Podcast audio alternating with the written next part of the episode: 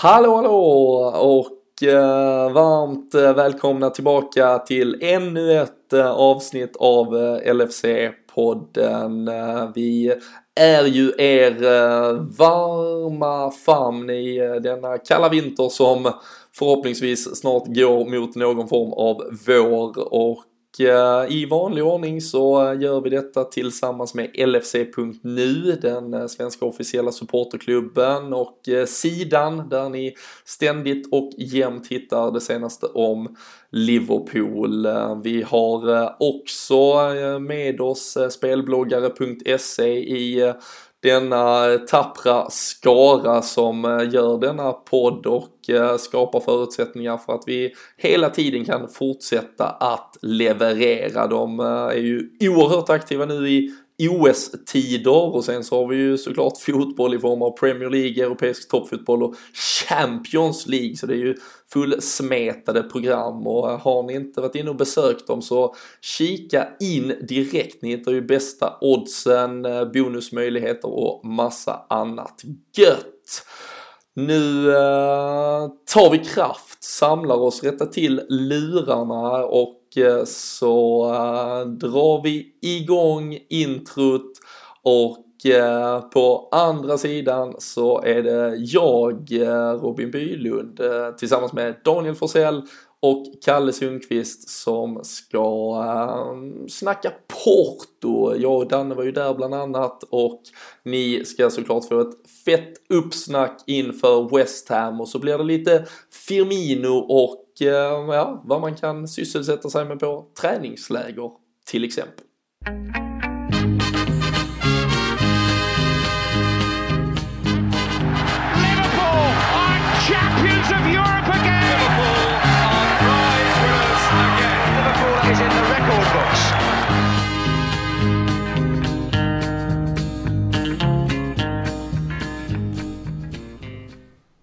Jajamensan, eh, då eh, sitter vi här återigen eh, som sagt tillbaka på, på svensk mark sedan senast. Det har eh, ju för den aktiva följaren så var det ju möjlighet förra veckan, eh, för exakt en vecka sedan egentligen. Eh, vi sitter ju här fyra minuter innan onsdagens Champions League-avspark och som sagt var man med där för en vecka sedan så var det ju Porto, Liverpool, jag, Daniel Forsell som ni kommer att höra här idag och Jocke Lundberg som dyker upp ibland var ju på plats. Vi hade ett ganska proppfullt eh, Twitterflöde och man kunde vara med på Periscope och eh, mycket annat. Eh, så jag hoppas att ni var med oss den gången och nu ska vi ju såklart prata lite om den där Porto-matchen men framförallt bygga upp inför vad som komma skall till helgen när Premier League äntligen är tillbaka också. Känns ju som det var ett tag sedan och Eh, vi har ju också eh, under eh, den här veckan tidigt släppt ett avsnitt på podmi.com. Jag hoppas att ni där ute börjar, om ni inte redan har gjort det, känna suget efter att signa upp er. Man kan ju alltså klicka sig in på podmi.com, klicka sig fram till LFC-podden och helt gratis prova på att signa upp sig så får man ju tillgång till ja, men ett helt bibliotek av extra exklusivt material. Eh, vi drog igång här första februari och där finns ett avsnitt där vi intervjuar Tobias Hysén, eh, vi har ett snack med The Anfield Rap och så nu då från Porto ett eh, långt häftigt resereportage där vi bland annat träffade Melissa Reddy, Oliver Bond, folk med en god inblick i klubben. Så hör vad de har att säga, både vad de hade att säga inför den matchen men om Liverpool generellt också. Så kommer det fyllas på med mer, där finns mycket gott att vänta. 19 spänn i månaden kostar det sen bara, men som sagt, eh, in och signa upp er och prova gratis. Eh, och eh, Daniel Forsell, som sagt, en vecka sedan, sedan sist det begav sig, exakt i detta nuet så stod vi väl och ja, gåshuden äh, reste sig och hymnen basunerades ut över Dragao. Har du äh, lyckats hämta dig? Ja, men det har man väl gjort nu nätt och jämnt här. Vi hade ju lite tur. Det är ju det bästa med Champions League-match eh, på bortaplan så att man kommer hem lagom till helgen ungefär. Så att man, man får lite tid att vila upp sig jämfört med när man har varit över till England och, och kikat. Så eh, man har väl kommit tillbaka och eh, ruset har väl eh, lagt sig lite kring eh, den här gåshuden som man främst fick av, av spelet och resultatet givetvis. Men även av av hymnen där till en början. Det var ju en eh, otroligt mäktig upplevelse redan inför. Men eh, med ett sånt resultat så är det svår, svårslaget alltså. Och eh, du, du kom ju hem lite enklare än mig och eh, Jocke Lundberg dessutom.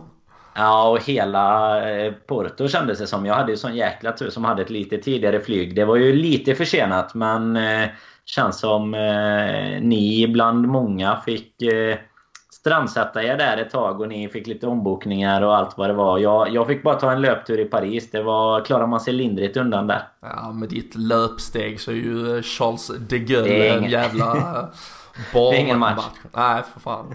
Och äh, ja, men från tv-soffan då sedan senast. Äh, du äh, unnade dig ju framförallt att spendera jul och nyårs, äh, eller julhelgen Kalle, så du får, väl, du får väl hålla dig lite passiv ett tag. Men Kalle Sundqvist, äh, du, är, du är med och förbrödrar här ikväll. Ja, precis. Uh, ja, som sagt, jag fick följa det hemifrån, men jag följde både er och matchen slaviskt. Ni representerades ju i diverse mediala sammanhang där nere i Portugal. Så ni har gjort medial succé där nu också. Så att, eh, och, och jag kan passa på att göra lite reklam för det här podme avsnittet som ligger ute. Jag har lyssnat på det och personligen tycker jag nog att det är det bästa avsnittet som någonsin har gjorts av LFC-podden. Så är ni inte medlemmar, eller har ni inte gått med där Podme och signat upp er så tycker jag att det är hög tid att göra det nu. Fick du, fick du, fick du ändå semikänsla på att du var med oss en sväng? Ja, då, men det fick jag ju emellanåt. Jag fick ju någon form av input i, i sociala medier där bland annat Danne var flitig med att skicka lite uppdateringar hur läget var. Så att eh, på, på något hörn var man väl med ändå fast inte fysiskt. Ja, fantastiskt. Vi, eh, vi, ska ju vi ska prata lite om matchen eh, men eh, vi hade fått en fråga här så jag kan väl rikta den till dig direkt eh, Danne. Jesper Hagman eh, han eh, tar väl lite förbehåll, han vet ju inte eh, alla matcher eh, vi har fått uppleva live såklart, men eh, hur högt rankar eh, du den här Porto-Liverpool-matchen? Och också lite din känsla, kommentar kring skillnaden på trycket, läktaren, alltså då Liverpools bortafölje kontra hur det är på Anfield. Ja, alltså det var ju... Med det resultatet och allt hur det utvecklar sig så är det klart att det är en... Eh, en jäkligt mäktig upplevelse som man kommer bära med sig för alltid. Det är ju 5-0 i en eh, åttondelsfinal borta i Champions League. Det var min första Champions League-match kan jag ju flika in där med. Så det är ju också en sån grej som som givetvis eh, höjer, eller första Champions League-match med, med Liverpool då kan vi säga. Så sen var ju vi på Europa League-semifinal också, vi alla tre faktiskt tillsammans. Och den är väl, tycker jag, någorlunda. Om man ska jämföra Anfield mot bortaföljet så, så är väl den eh, matchen den enda nästan som jag har varit på faktiskt på Anfield som har kommit, eh, alltså kommit upp i någorlunda samma nivå som jag tycker att bortaföljet ändå gör. Även om det kanske i den här matchen faktiskt gick, eh, det gick ju lite väl enkelt ett tag så att då blev det nästan lite avmattat av det också. Mm. Men eh, annars var ju stämningen bra och det är ju all eloge till, till Porto-fansen med som höll igång trots att de hade 0-5. Så att eh, stämningen är väl ofta i Sydeuropa ganska... Det är inte kanske lika mycket sånger och sådär som det är i England utan det är mer de håller igång med lite trummor och lite vad, vad, kallar man det? Melodi liksom bara som ligger och... Det är bara eh, alla, ja, ja, ja. Ja, men precis. Det är lite så. Så bara går det vidare. Ja, bra gung sådär. Ja, men det blir det. Det blir ju gung liksom. Och sen då... Ja, men jämför man så tycker jag... Jag har varit på några andra bortamatcher i Premier League om man just ska jämföra borta versus hemma så, så kan man väl rekommendera lite att bortamatcher är absolut något att, att försöka ta sig på. För jag tycker att eh, ofta blir det ju lite kanske mer stämning i och med att det är ett mindre följe men alla är, är där av lite... Alla vill höras och överrösta hemmafansen sådär. Och det är väl inte bara Anfield som kan vara lite trötta ibland om man tänker i, i England så bland hemmafansen. Så att eh, ofta ganska bra stämning när man åker så men det är klart att man kan pricka rätt även även på hemmamatcherna. Eh, men eh, framförallt är det väl att åka på en, en Champions League bortamatch. Då är det ju att man kommer någon annanstans med och då är verkligen alla bara där av av en anledning liksom och, hela, och tar över hela stan. Jag menar hela dagen innan var ju också en uppladdning inför, inför matchen på pubbarna och sånt här. Så att det är ju, slår ju ändå på något sätt lite häftigare att det blir liksom en, eh,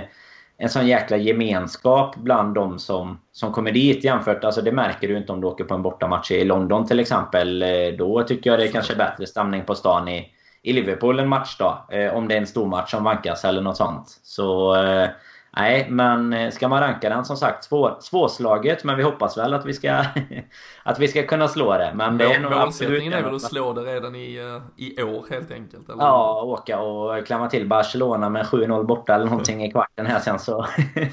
Ja. Nej, men det ja, jag vet inte vad du säger Robin, men igen, det är ju svårt att, att komma på på rak arm att någon... Nej, eh... men jag, jag sitter också som sagt den där, den där 3-0 hemma mot Villarreal var ju, eh, det var, det var också otroligt... Eh, Elektriskt på Anfield ja, den kvällen om inte annat. Sen äh, minns ju jag spontant själv, jag var på äh, när vi vann över Manchester United med 3-1 när Dirk Kuyt gör sitt hattrick. Äh, såklart en oerhört speciell match på alla sätt och vis där också. 13-14 säsongen med, med Suarez, där har vi ju ett par fantastiska. Jag vet att Kalle, du var på ett par av dem häftiga matchen också. Jag var på 4-0 mot Everton till exempel som var en, eh, ja men också en kvällsmatch. Det var ju, ja, det närmsta man kunde komma då någon form av Champions League. Man vill minnas att det också var en onsdag kväll. Man kände att hela stan gungade redan innan och så, och så levererade Liverpool det man gjorde. Men, eh, men det är ju som du säger, uh, Cellar Sport Pub redan tisdag kväll med, med lite annan Champions League i bakgrunden. Det var Liverpool som tog över eh, ställena, staden och man, eh, alltså det, det, det kryper liksom i en i, i 48 timmar på ett sätt som man inte får kring, det får man ju inte ens kring en hemmamatch liksom. Så det är ju, de här äventyren att sticka ut på är ju eh, oerhört häftiga och sen eh, med invägningen av att eh, få uppleva en ny stad, träffa nytt folk Oftast, eh, det finns ju säkert rötägg man kan stöta på men det är ju en eh, lite mer liksom eh, broderlig stämning mellan lagen trots att det är en otrolig konkurrens och vikt av match och så vidare. Men Porto-fans, Liverpool-fans, ehm, det, det, liksom, det, det gick att både prata och sjunga och skåla tillsammans och det, ja men det bygger ju upp något som, som är ganska annorlunda och unikt. Så Får man sen dessutom eh, 5-0 seger så eh, ja, då, då klättrar det ganska snabbt upp på listan. Men någonstans topp tre eh, placerar jag nog det i alla fall. Eh, strax, strax före Kalle, nu på tal om att vi ska snacka upp West Ham. Hemmamatchen mot West Ham som du och jag såg tillsammans när vi förlorade med 3-0. ja, det var minst sagt en dyster historia. Den har väl plats med, med Swansea-matchen som vi var på tillsammans också. Det är väl de två det är ju bottennappen i alla fall. Ja. Så att, um, så att, ja, så att det är upp till bevis nu. Um, jag förstår att för er som var på en sån här ett äventyr som det ändå, som det ändå är att åka på en bortamatch där och allt som det innebar för er den här gången så, så är det någonting man blir oerhört avundsjuk på. Så att vi får hoppas att det blir någonting trevligt här framöver i, i Champions League så ska vi nog kunna lösa ännu fler av den varan. Mm. Det har ju precis, eh, nu som sagt vi sitter här onsdag kväll, eh, de som lyssnar på detta kommer ju att ha svaren svart på vitt. Det är ju två matcher återstår ju här, eh, första matcherna så att säga. Det är Shakhtar mot Roma, det är Sevilla mot Manchester United. Vad har er eh, eh, känsla varit, eh, eller din Kalle, vi kan börja där, kring ja, men såklart Liverpools prestation, det vi vet Liverpool har i ryggen, det vi har i ryggsäcken, det vi kan ta med oss till ett nästa steg som vi väl får hoppas och tro att vi är i nu, en kvartsfinal. Ehm, jag känner liksom, och man kände det på plats i Porto, att optimisten i en Liverpool-support har nog inte varit så här stor på länge, men om man försöker vara lite nykter och objektiv kring det, hur, hur rankar du lagen och Liverpools chanser framöver? Ehm, ja, men det, man ska inte glömma att i all Champions League kan ju mer eller mindre allting hända. Ehm, och stor fördel har väl de lagen egentligen som dels kan spela kontrollerat och, och få med sig bra resultat. Men även ett lag som Liverpool nu med många andra lag som, som kommer vara med och slåss om det gör ju fruktansvärt mycket mål. Um, och det är väl där Liverpool kommer hota. De är ju lika vass som alla andra lag, om inte kanske vassast offensivt, tycker jag.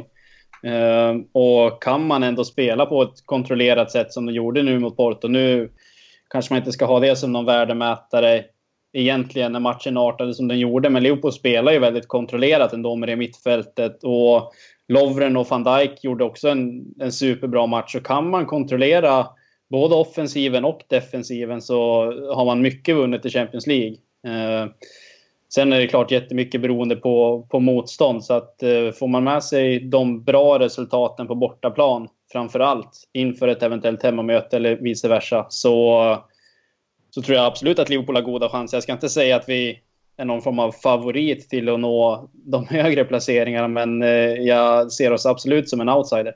Mm.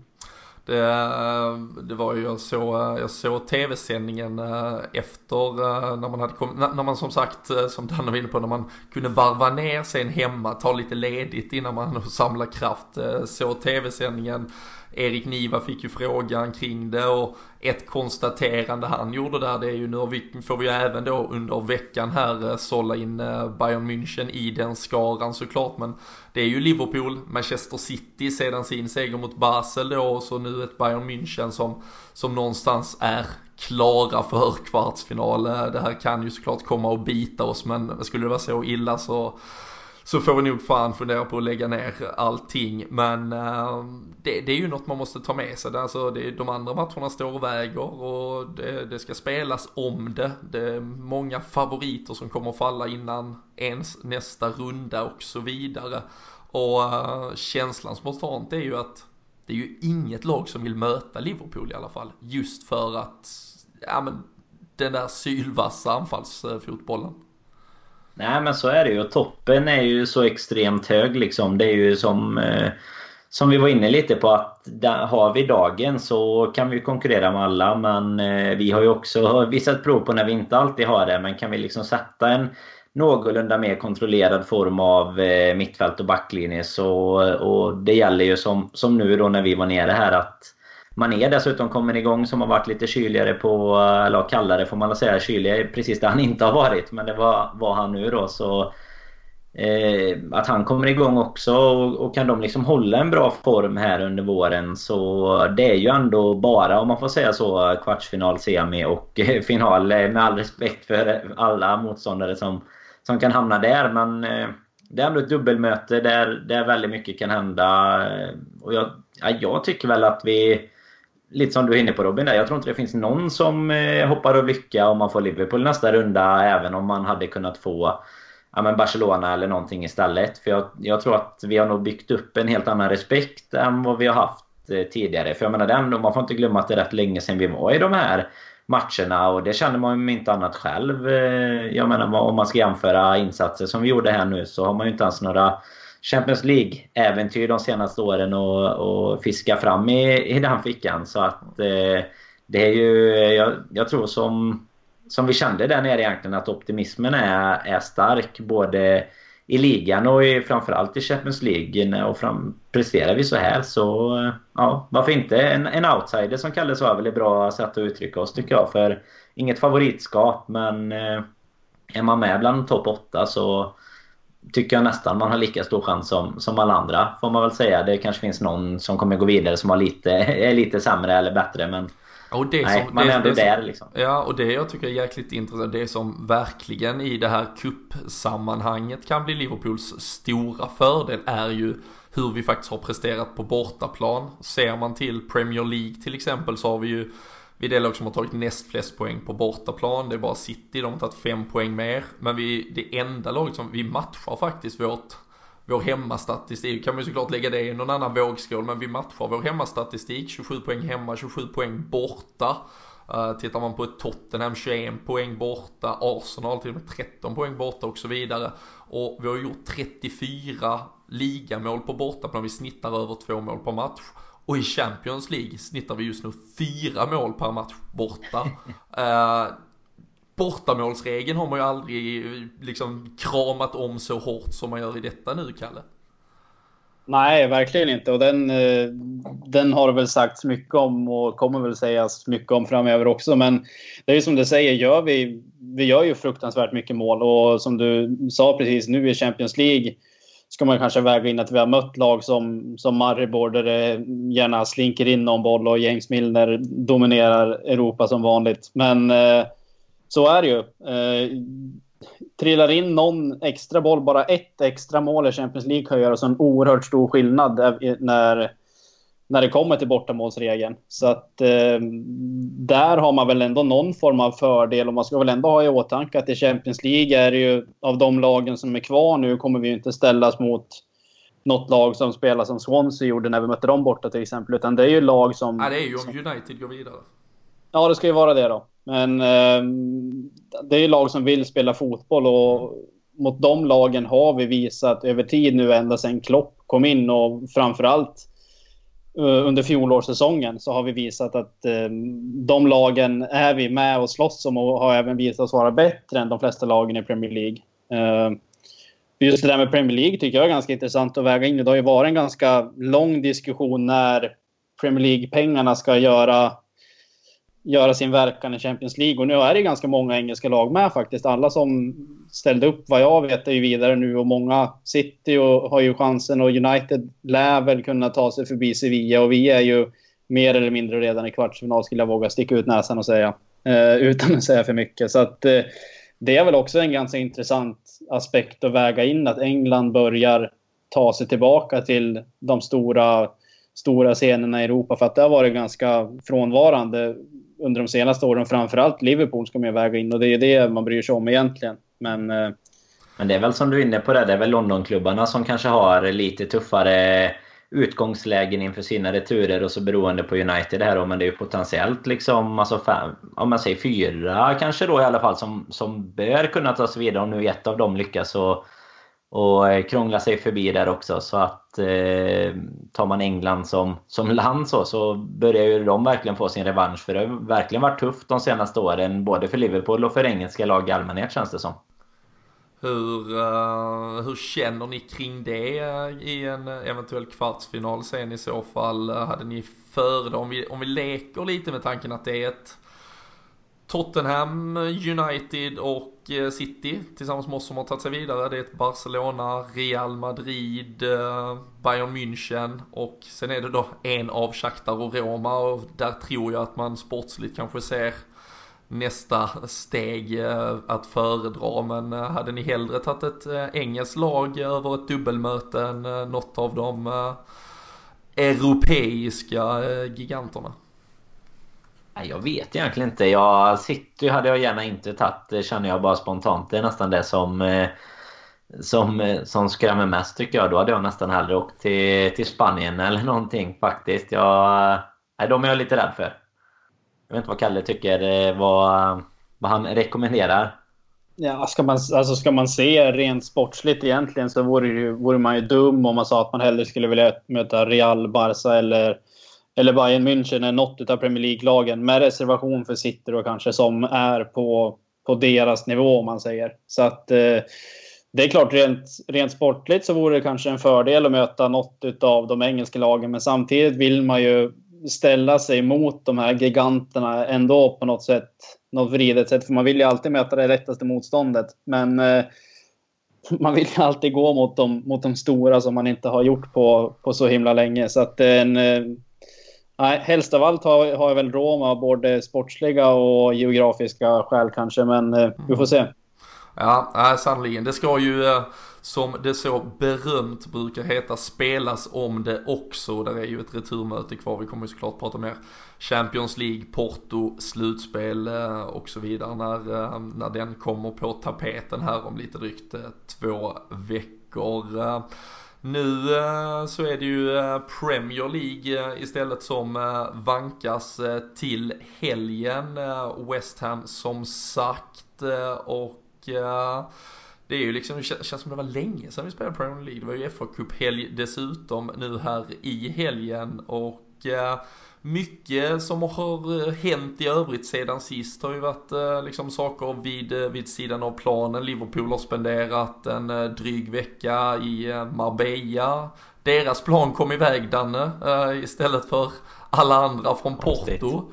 De kom ju upp faktiskt från, från ingenstans kom de plötsligt upp en 11.30 avgång till Malaga. Det var, det var ingen som såg någon gate, något plan eller ingenting. Men tydligen var man tvungen att skylta upp det men eh, där eh, blev lite folkstormning faktiskt mot det här. Det var många supportrar som hade luskat fram att laget skulle vidare och eh, de ser ut att ha haft det ganska gött där nere. Kan väl vara bra och trevligt för, för gruppen i alla fall att få njuta värme.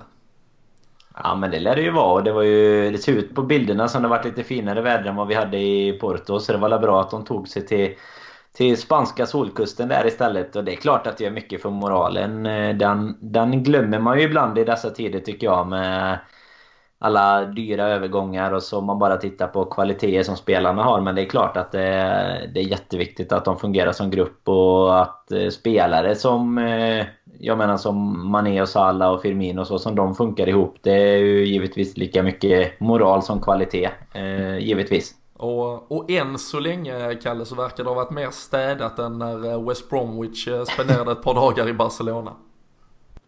ja. ja, ja, men det är ju det är en otroligt rolig historia egentligen som kanske speglar hur det, hur det såg ut mer förr i tiden. Uh, så att eh, det är klart att det ska vara lite av den varan också, lite roligt, men eh, kanske inte för skoj. Sådär. Så att, eh... Vet vi att James Milner inte har snott en taxi i Marbella? Det är men, det, men, men, med tank, men med tanke på gänget, vi får, väl, vi får väl, nu slängde jag ju in den från ingenstans, lite sidoskott här uh, i en uh, Liverpool-dedikerad podd, men uh, det var ju Gareth Barry, Jake Livermore, Boas Myhill och Johnny Evans då som en riktigt blöt natt. Eh, Alan Pardew hade ju till och med eh, yrkat på något utegångsförbud för hela truppen. Och West Bromwich ligger ju hopplöst sist i Premier League och då kände ändå gubbarna för att ta en sväng om och eh, 05.30 så försöker de beställa mat på McDonalds utan att lyckas. De blir alltså nekade käk på McDonalds lyckas övertala en taxichaffis att gå in och beställa åt dem och medan han ska göra detta i all välmening så plockar de taxibilen istället. Det fick ju även vårt portoäventyr den att framstå som rena barnkalaset. Ja, vi, inte ens vi blev ju nekade på McDonalds innan vi skulle upp till Dragao där. Det var ganska bra liv på Liverpool-fansen även där inne men eh, vi, vi fick beställa och vi fick eh, även skjuts av en taxichaufför. Vi åkte ingen, ingen egen... Och vi stal inte bilen. Nej, jag menar det. Vi, vi tog inte den själva upp. Så att eh, nej, man har väl lite att leva upp till förstår jag. Eh, om Premier League-gubbarna kan, kan göra det här. Vi får se om det blir, blir bättre nästa gång. Kän, nu känns det ju som en oerhört eh, liksom egentligen ja, men, märklig ska. Alltså Bohes Hill känner jag, där, där ligger det ju något och gror i honom. Jake Livermore har väl en, en badass-sida i sig kanske till viss del får man bara känslan av. Men övriga lämnar väl lite mer att önska. Men uh, Kalle, om du skulle sätta ihop ett sånt här dream team i Liverpool som har den här blöta natten. Uh, kan vi ta någon på uppstuds? Eller två gubbar du hade slängt in i mixen så kan Danne få slänga in två. Uh, ja, Firmino känns väl given. Han har, ju varit,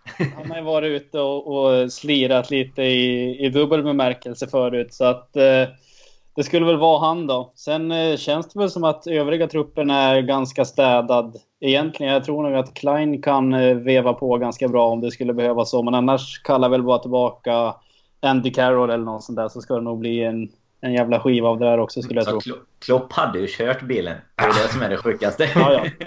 ja. och skrattat och haft eh, läderhosen eller någonting. Men när man såg, när man såg, det var liksom så samma dag som den här nyheten breakade så får man upp på så här Jordan Hendersons Instagram att han, James Milner, Adam Lallana och Simon Mignolet sitter och tar en kaffe. Man bara känner, nej så jävla lamt alltså. Det är skillnad på toppen och botten i tabellen. Ja, ja san, sannoliken, sannoliken. Uh, true professionals, uh, absolut. Nej, men, um, ja, men då, det är ju jul, julfesterna är ju nästan ett minne blott, så det är väl kul att det kan bli lite sådana här, så länge det liksom håller sig på rätt sida någonstans som jag i min bok landar detta någonstans i det där, det goda skrattet till syvende och sist. Så det är väl ganska häftigt att det också kan få förekomma i dagens moderna fotboll som annars ska vara så uppputsad och städad. Och, De var ju ändå igång och spela FA-cup också sen så det var ju liksom inga... Eller jag, jag vet inte om alla var med men i alla fall även så vet jag kikade lite på, på deras match där så att det var ju inga liksom... Ja, reprimander på det sättet. Det kanske kommer i och för sig men... De har väl inte riktigt råd med reprimander på det sättet? Nej, det är lite så. Det är lite så. De, är det någonting de ska kunna ta sig, eller jag kunde ta sig in vidare då, då var det ju kanske där också. Uh, vi får, uh, vi får uh, avknoppa med West Bromwich-podden här sen och, och fylla på kring, kring läget i Baggis helt enkelt. Men eh, nej, eh, som sagt eh, lite mer saker då vid sidan av planen eh, senaste tiden. Och nu nämnde vi ju Firmino här också eh, att eh, han, eh, han kanske åtminstone har haft en eh, liten partyprissesida i sig och lite annat. Men det som har fyllt eh, mycket spaltmeter senast här annars den är ju situationen som uppkom i just fa Cup-matchen mot eh, Everton här i början på året. Eh, 2-1 segern, van Dijks eh, debut och debutmål är ju såklart något man minns men var ju en situation där Mason Holgate skickade Firmino över reklamskyltarna. Firmino svarade med att brusa upp rätt rejält och sen så ser man ju då att Holgate reagerar på någonting och i efterspelet och eftermälet av detta så, så har ju Mason Holgate lämnat in en ja, men, en anklagan eller åtminstone liksom ett påstående kring att eh, det har varit tal om något eh, rasistiskt tillmäle eh, mot eh, honom och eh, det har ju varit tyst helt oerhört länge. Det var någon som hade summerat upp det här till 47 dagar var det väl sedan match och eh, nu kommer idag då, kväll här onsdag, ehm, uppgifterna att FA nu lägger ner detta. Det finns inga bevis för att någonting ska ha sagts. Klubben har officiellt gått ut och såklart uppskattat utredningen, glad att inget hittats och Roberto Firmino såklart också glad över att det här nu kan glömmas. Han förtydligar att han aldrig skulle såklart göra något sådant och eh, finns ju många aspekter här kring detta. Dels, eh, ja men, eh, Ska man få anklagelser? alltså var, var ligger nu någon eventuell börda på Mason Holgate? Tycker vi det är rimligt att det tar 47 dagar för FA och, och framförallt kanske en stor jäkla hatt av för Firmino som har fortsatt eller nästan blomstrat ännu mer och spelat helt fenomenal fotboll trots detta och en utredning hängande över sig. Ja, alltså dels eh, till att börja med är man lite besviken över att man själv inte blev inkallad som någon sorts eh, portugisisk läppläsare där efter... Eh, efter, efter lite språk. Obrigado, efter, ja, efter några dagar i Porto där. Men nej, det ryktas ju om att det varit diverse 15-20 stycken inkallade läppläsare som ska, ska tyda situationen. Och jag tycker väl att det blir det är som du säger 47 dagar och det är mycket utredningar och sånt. Sen finns det vansinnestacklingar som liksom får gult kort och bryter ben. Och då, jag tycker det är orimligt och oproportionerligt. Men någonstans så är man ju andra änden glad över att det faktiskt utreds. För att det är ju det är klart att det är en jätteviktig sak eh, som tas upp. Eh, och det är liksom, man, man ska inte bara vifta bort det heller och det är ju såklart mycket svårare att, att se eller kanske om, man inte, om det inte har varit solklart så är det mycket svårare att ta en, en sån situation än att ta en eh, tackling med utsträckta ben och dobbarna över knäna liksom. För det ser man ju väldigt tydligt så att eh, jag är väl lite tudelad där men tycker kanske att det blir lite Ja, skulle det nu varit något och så ska det ha tagit liksom eh, ja, men närmare två månader nästan och så blir det avstängning som drabbar en i slutspurten av Premier League eller någonting. Eh, och, då, och det kan jag väl också någonstans väva in att jag tycker väl att... Eh, nu hoppas man givetvis att eh, Holgate har gjort det här med vad, vad ska man säga, god tro eller vad man ska kalla det. Men så att inte det är så att de försöker anklaga någon heller. För då kan jag ju tycka att man kanske själv borde kunna bli avstängd nästan för att ha försökt sabotera i stort sett. Och blev han inte avstängd för, för knuffen i sig så tycker jag han kan få ta några avstängningar för det var ju det var ju mordförsök om inte annat. Så eh, nej, det, det, finns två sidor av det myntet tycker jag. Det är lite svårt att säga. Ja, det finns mycket positivt med det, men det, jag tycker också att det finns mycket orimligt och negativt med att det kanske tar så lång tid och att eh, liksom blir, blir oproportionerligt stor utredning om man ska säga så. Mm. Hur känner du Kalle kring det? Att, uh, ska, är det och som sagt, vi får ju bara utgå ifrån att eh, uh, Holgate har hört något här, men när det då visar sig att det inte är någonting, eh, bör, bör liksom FA stopp, steppa in där? Alltså det skulle ju kunna någonstans bli något, ja, eh, ja men prejudikat på att det, det är okej att, ja men direkt, tror du att du har hört något, känner du att du kan ha fått något riktat mot dig så, så anmäl det. Någonstans är det väl rätt någonstans samtidigt när det ska ta 47 dagar där det spelas 10-15 matcher som påverkar såklart en spelare som har detta över sig. Jag vet inte, är det, är det Holgate, är det F och finns det någonstans där man ändå kan lägga någon, någon liten skämskudde? Ja, alltså jag vet inte. Det, jag är enig med Danne där och likväl dig att det, det är bra att anmäls. Man får ju hoppas nu att det är så att han inte, att han inte har sagt någonting. Men eh, det är ju ett ganska stort problem generellt i, i fotbollseuropa, mer i andra länder än vad det är i England, där man ser jag tror Balotelli fick gult kort av domaren för någon vecka sedan för att han skulle påvisa för, för honom att han hade blivit utsatt för någonting. Och det är ju också helt felaktigt för att det är ju någonting som man måste få, få bort från, från fotbollen. För det är ju stenålderstankar i min mening att det ska vara, att det ska vara så. Och jag vill minnas att när Suarez blev dömd, eller vad man ska säga, så gick det ändå relativt snabbt innan det kom någon, någon dom. Så att de lär ju inte ha tagit något förhastat beslut i, i det här Firmino-fallet. Eh, självklart är det kanske konstigt att det tar sån lång tid. Det arbetas ju aktivt, vad jag förstod det som, direkt i början när det skedde. Och sen vet man ju inte hur mycket som, som har gjorts under tiden. För så lång tid bör det ju inte behöva ta att, att undersöka det. Uh, någon skämskudde vet jag väl inte. Den ska väl hamna hos FA i så fall. Då. Jag tycker det är bättre att man anmäler en gång för mycket än en gång för lite. För att, det var väl ett stort reportage också om att Brewster, en lovande mm. Liverpool-spelare, tyvärr skadad. Han, han klev ju fram och, och berättade att han hade blivit utsatt för, för olika påhopp.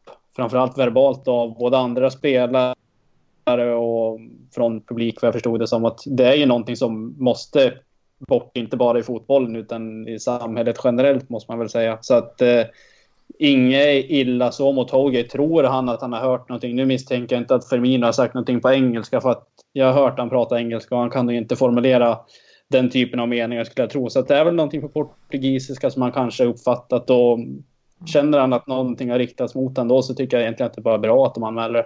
Ja.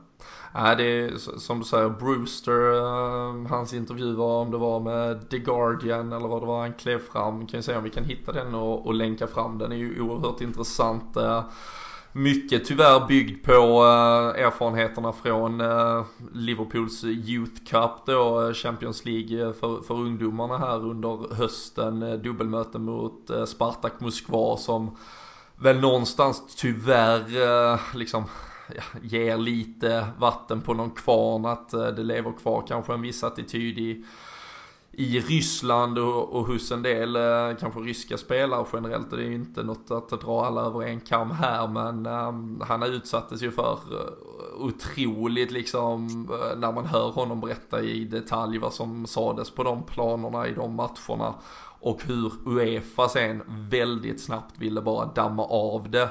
Så, så är det ju såklart väldigt skönt att England har ett klimat där Mason Holgate eh, vågar eller kan så att säga anmäla detta. Sen tycker jag ju som sagt att 47 dagar är helt orimligt med tanke på att Visst, det är ju inte det som ska få vara något facit, men det var ju portugisiska journalister och, och, många därtill som ganska tydligt kunde tyda läpparna och det hade man ju liksom 12 timmar senare på Twitter i stort sett att det var det här han sa och that's it. Och det visar ju sig nu att så faktiskt var fallet och jag tror man borde kunna ha konkluderat det på lite bättre liksom eh, tidsspann än, äh, än detta här för det, det uttalar ju sig Firmino om också på, eh, på Liverpools hemsida här under kvällen att det, det är ju ändå något som har hängt över ens familj. Man vet ju fan aldrig vad som händer. Kanske de dömer fel så att säga. Det har vi ju sett både domare och lagstadgare göra liksom förr. Så det, det, kan ju alltid hända och det måste man ju leva med när man har något riktat mot sig. Så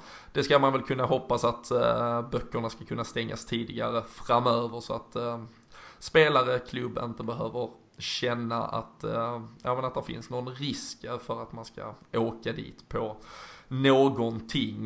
Vi kan ju på tal om Youth eh, Cup och då Ryan Brewster också slå ett litet slag och eh, fira och dra någon salut för att eh, Liverpool faktiskt då även i den turneringen eh, är helt och hållet faktiskt då vidare till kvartsfinal för där spelar man inte dubbelmöte och Liverpool hade ju lottats mot Manchester United så lite extra fjäder i hatten till Steven Gerrard och gänget där eh, 2-0 vann de med idag här onsdag under eftermiddagen. Eh, ben Woodburn eh, nerlånad från A-truppen som han numera tillhör och stod bland annat för ett mål så det är ju såklart gött för, eh, för den unga generationen. Bra erfarenheter att få med sig och eh, Steven Gerrard lär ju ha njutit av att tvåla dit eh, just United också. Och gamla mittfältskombatanten Nicky Butt var ju tränare för U19 i United. Så det kanske de går lite head to head också, vem som kliver upp i rangen först. Eh, men eh, nog om eh, massa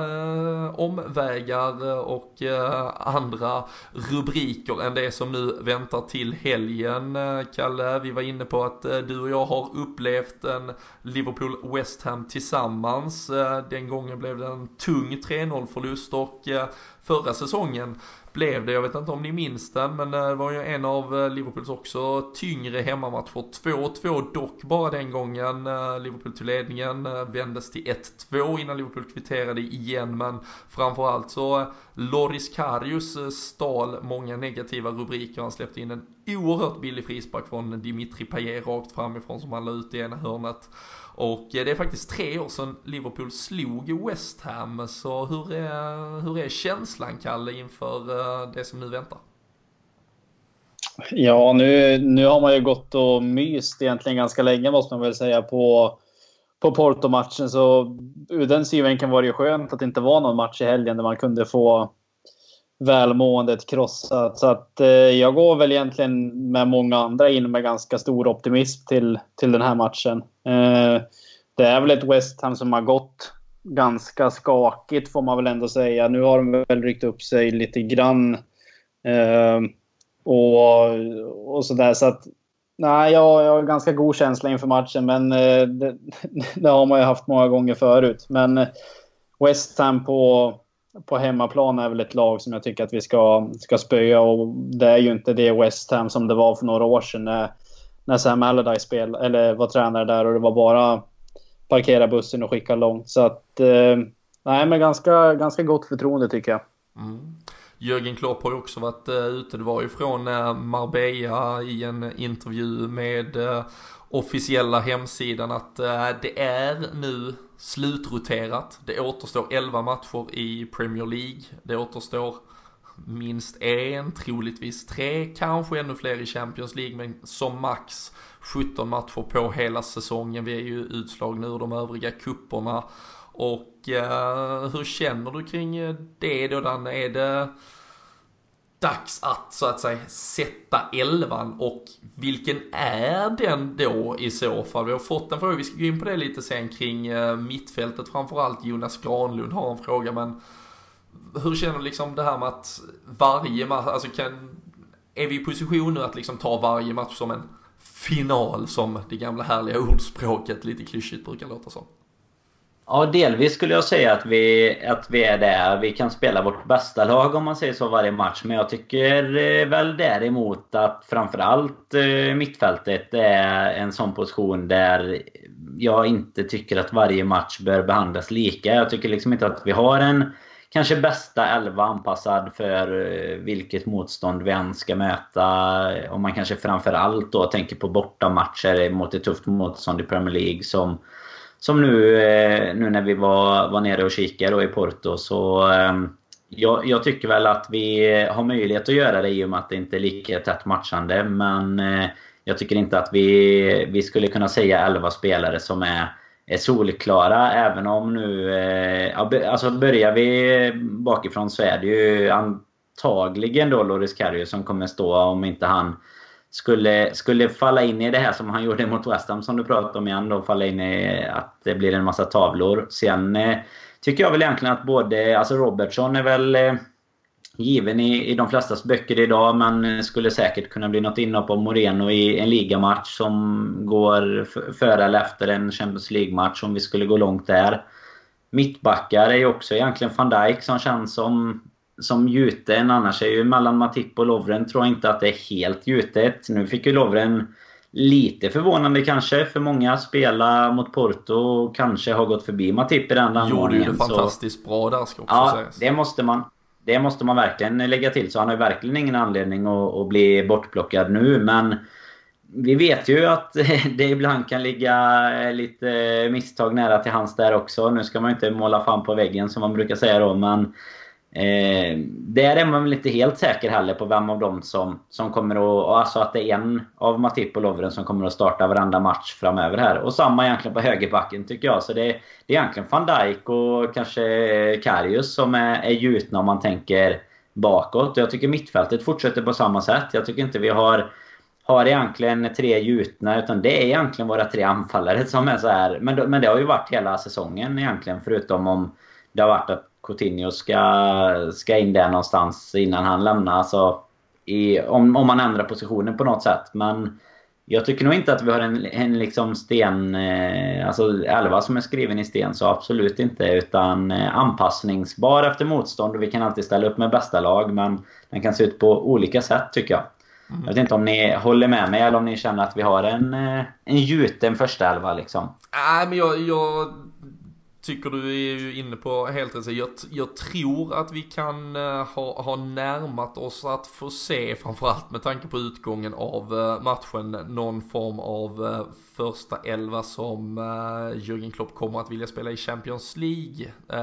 I det vi fick se på Dragao med det här hårt arbetande mittfältet i form av Jordan Henderson, James Milner och Gini Wijnaldum. Uh, om det ska springas och sen lämnas yta för de tre offensiva så, så är ju det en eh, otroligt bra konstellation. Nu är det ju ett Porto som normalt sett uh, brukar få mer utdelning än vad de fick men som såklart och ser man till matchen, det var ju en ganska jämn match. Alltså det är ett, det är ett spelande lag, det är ett bra lag och, och liksom det behövdes en arbetsinsats och uh, det är också något eh, i det här podmi avsnittet vi har, vi har släppt det exklusiva med vårt Porto-reportage där vi träffade Melissa Reddy. Hon spådde ju det redan på förmiddagen, eh, troligtvis med lite fingerspits och, eh, och insyn i vad som gällde. Men ett industrial midfield pratade hon om det här hårt arbetande mittfältet. Men jag tror absolut att Även om man pratar om att det är slutroterat och det gör han nog i form av för roterandets skull. Vi kan ju referera till matcher i november, december där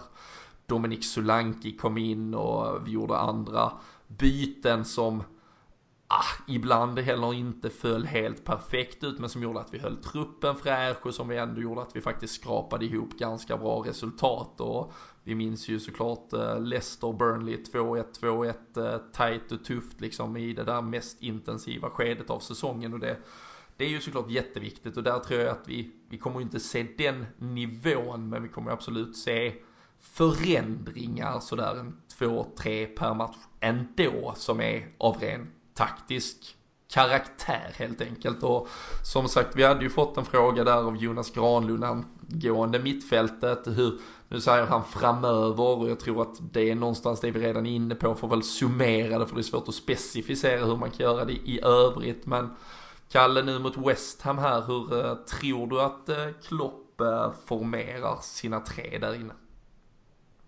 Eh, jag tror framöver framförallt att Henderson kommer få ganska mycket speltid. Eh, jag tror en spelare som, som Klopp gillar både på och utanför planen. Sen ska man inte glömma att han är lagkapten heller. Så att han eh, tror jag kommer vara en ganska gjuten pjäs på mittfältet framöver om han håller sig frisk. Han har haft lite skadebekymmer och sådär. Sen kommer ju givetvis Chan roteras in tror jag.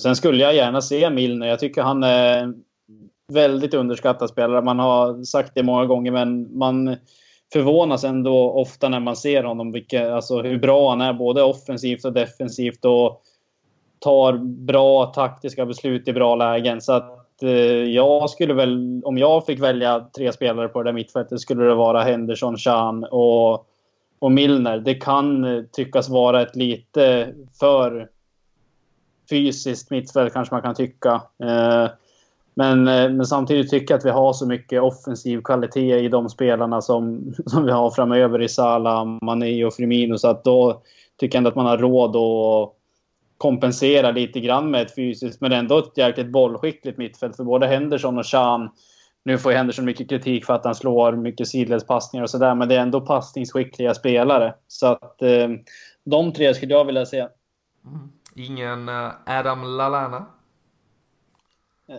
Ja, jag vet inte. Det, det, finns ju utrymme för honom också att roteras in, men eh, jag vet inte. Det känns som att man har glömt bort Lalana lite grann. Han är, börjar ju bli en av, eller han är väl rättare sagt kan man säga, en av de spelarna som närmar sig 30 och är skadedrabbad. Han var ju en av de bättre innan han gick sönder och var väldigt gjuten i Klopps lag. Han är ju, det är väl hans stora favorit, har man väl fått höra både inifrån omklädningsrummet och, och utanför. Så att eh, det tror jag kommer vara en spelare som kanske inte kommer starta så mycket matcher, men han kommer kunna komma in och ändå bidra med någon form av förändring. Men vi har varit inne på det i något tidigare avsnitt med att det känns inte riktigt som att vi spelar på ett riktigt likadant sätt. Alltså Klopps spel har satt sig nästan mycket mer nu hos alla tycker jag. Alltså i början känns det som att Lalana var så så eh, anpassad för det här systemet att det satte sig mycket snabbare för hans del. Men nu känns det som att laget har liksom tagit till sig det här pressspelet och så. Det, det känns inte som att hans insats, som man givetvis aldrig ska förringa så, men det, den blir inte lika avgörande längre utan det finns andra spelare som kan leverera samma typer av insats tycker jag eh, mer. Och jag var ju en väldigt Lalana-förespråkare innan och tyckte att eh, Oxley till exempel inte skulle ha något att göra mot honom. Men i dagsläget skulle jag sätta Oxlade före Lalana på ett mittfält eh, om även som första avbytare eller om jag skulle byta ut någon av Kalles, eh, Kalles trio där till exempel. Skulle du kunna... Det skulle jag, ja, det skulle jag också absolut säga. Och sen är det väl det att anledningen till att Lalana fick spela så mycket när Klopp ändå försökte sätta det här pressspelet som nu... Jag, jag håller med dig där Dan, att jag, jag tycker har satt sig för pressa många för pressandets skull och så gick man bort sig istället. Så att, det jag tror att Lalana för om det var förra säsongen eller säsongen dessförinnan när han slog löprekord varje match i, i Premier League.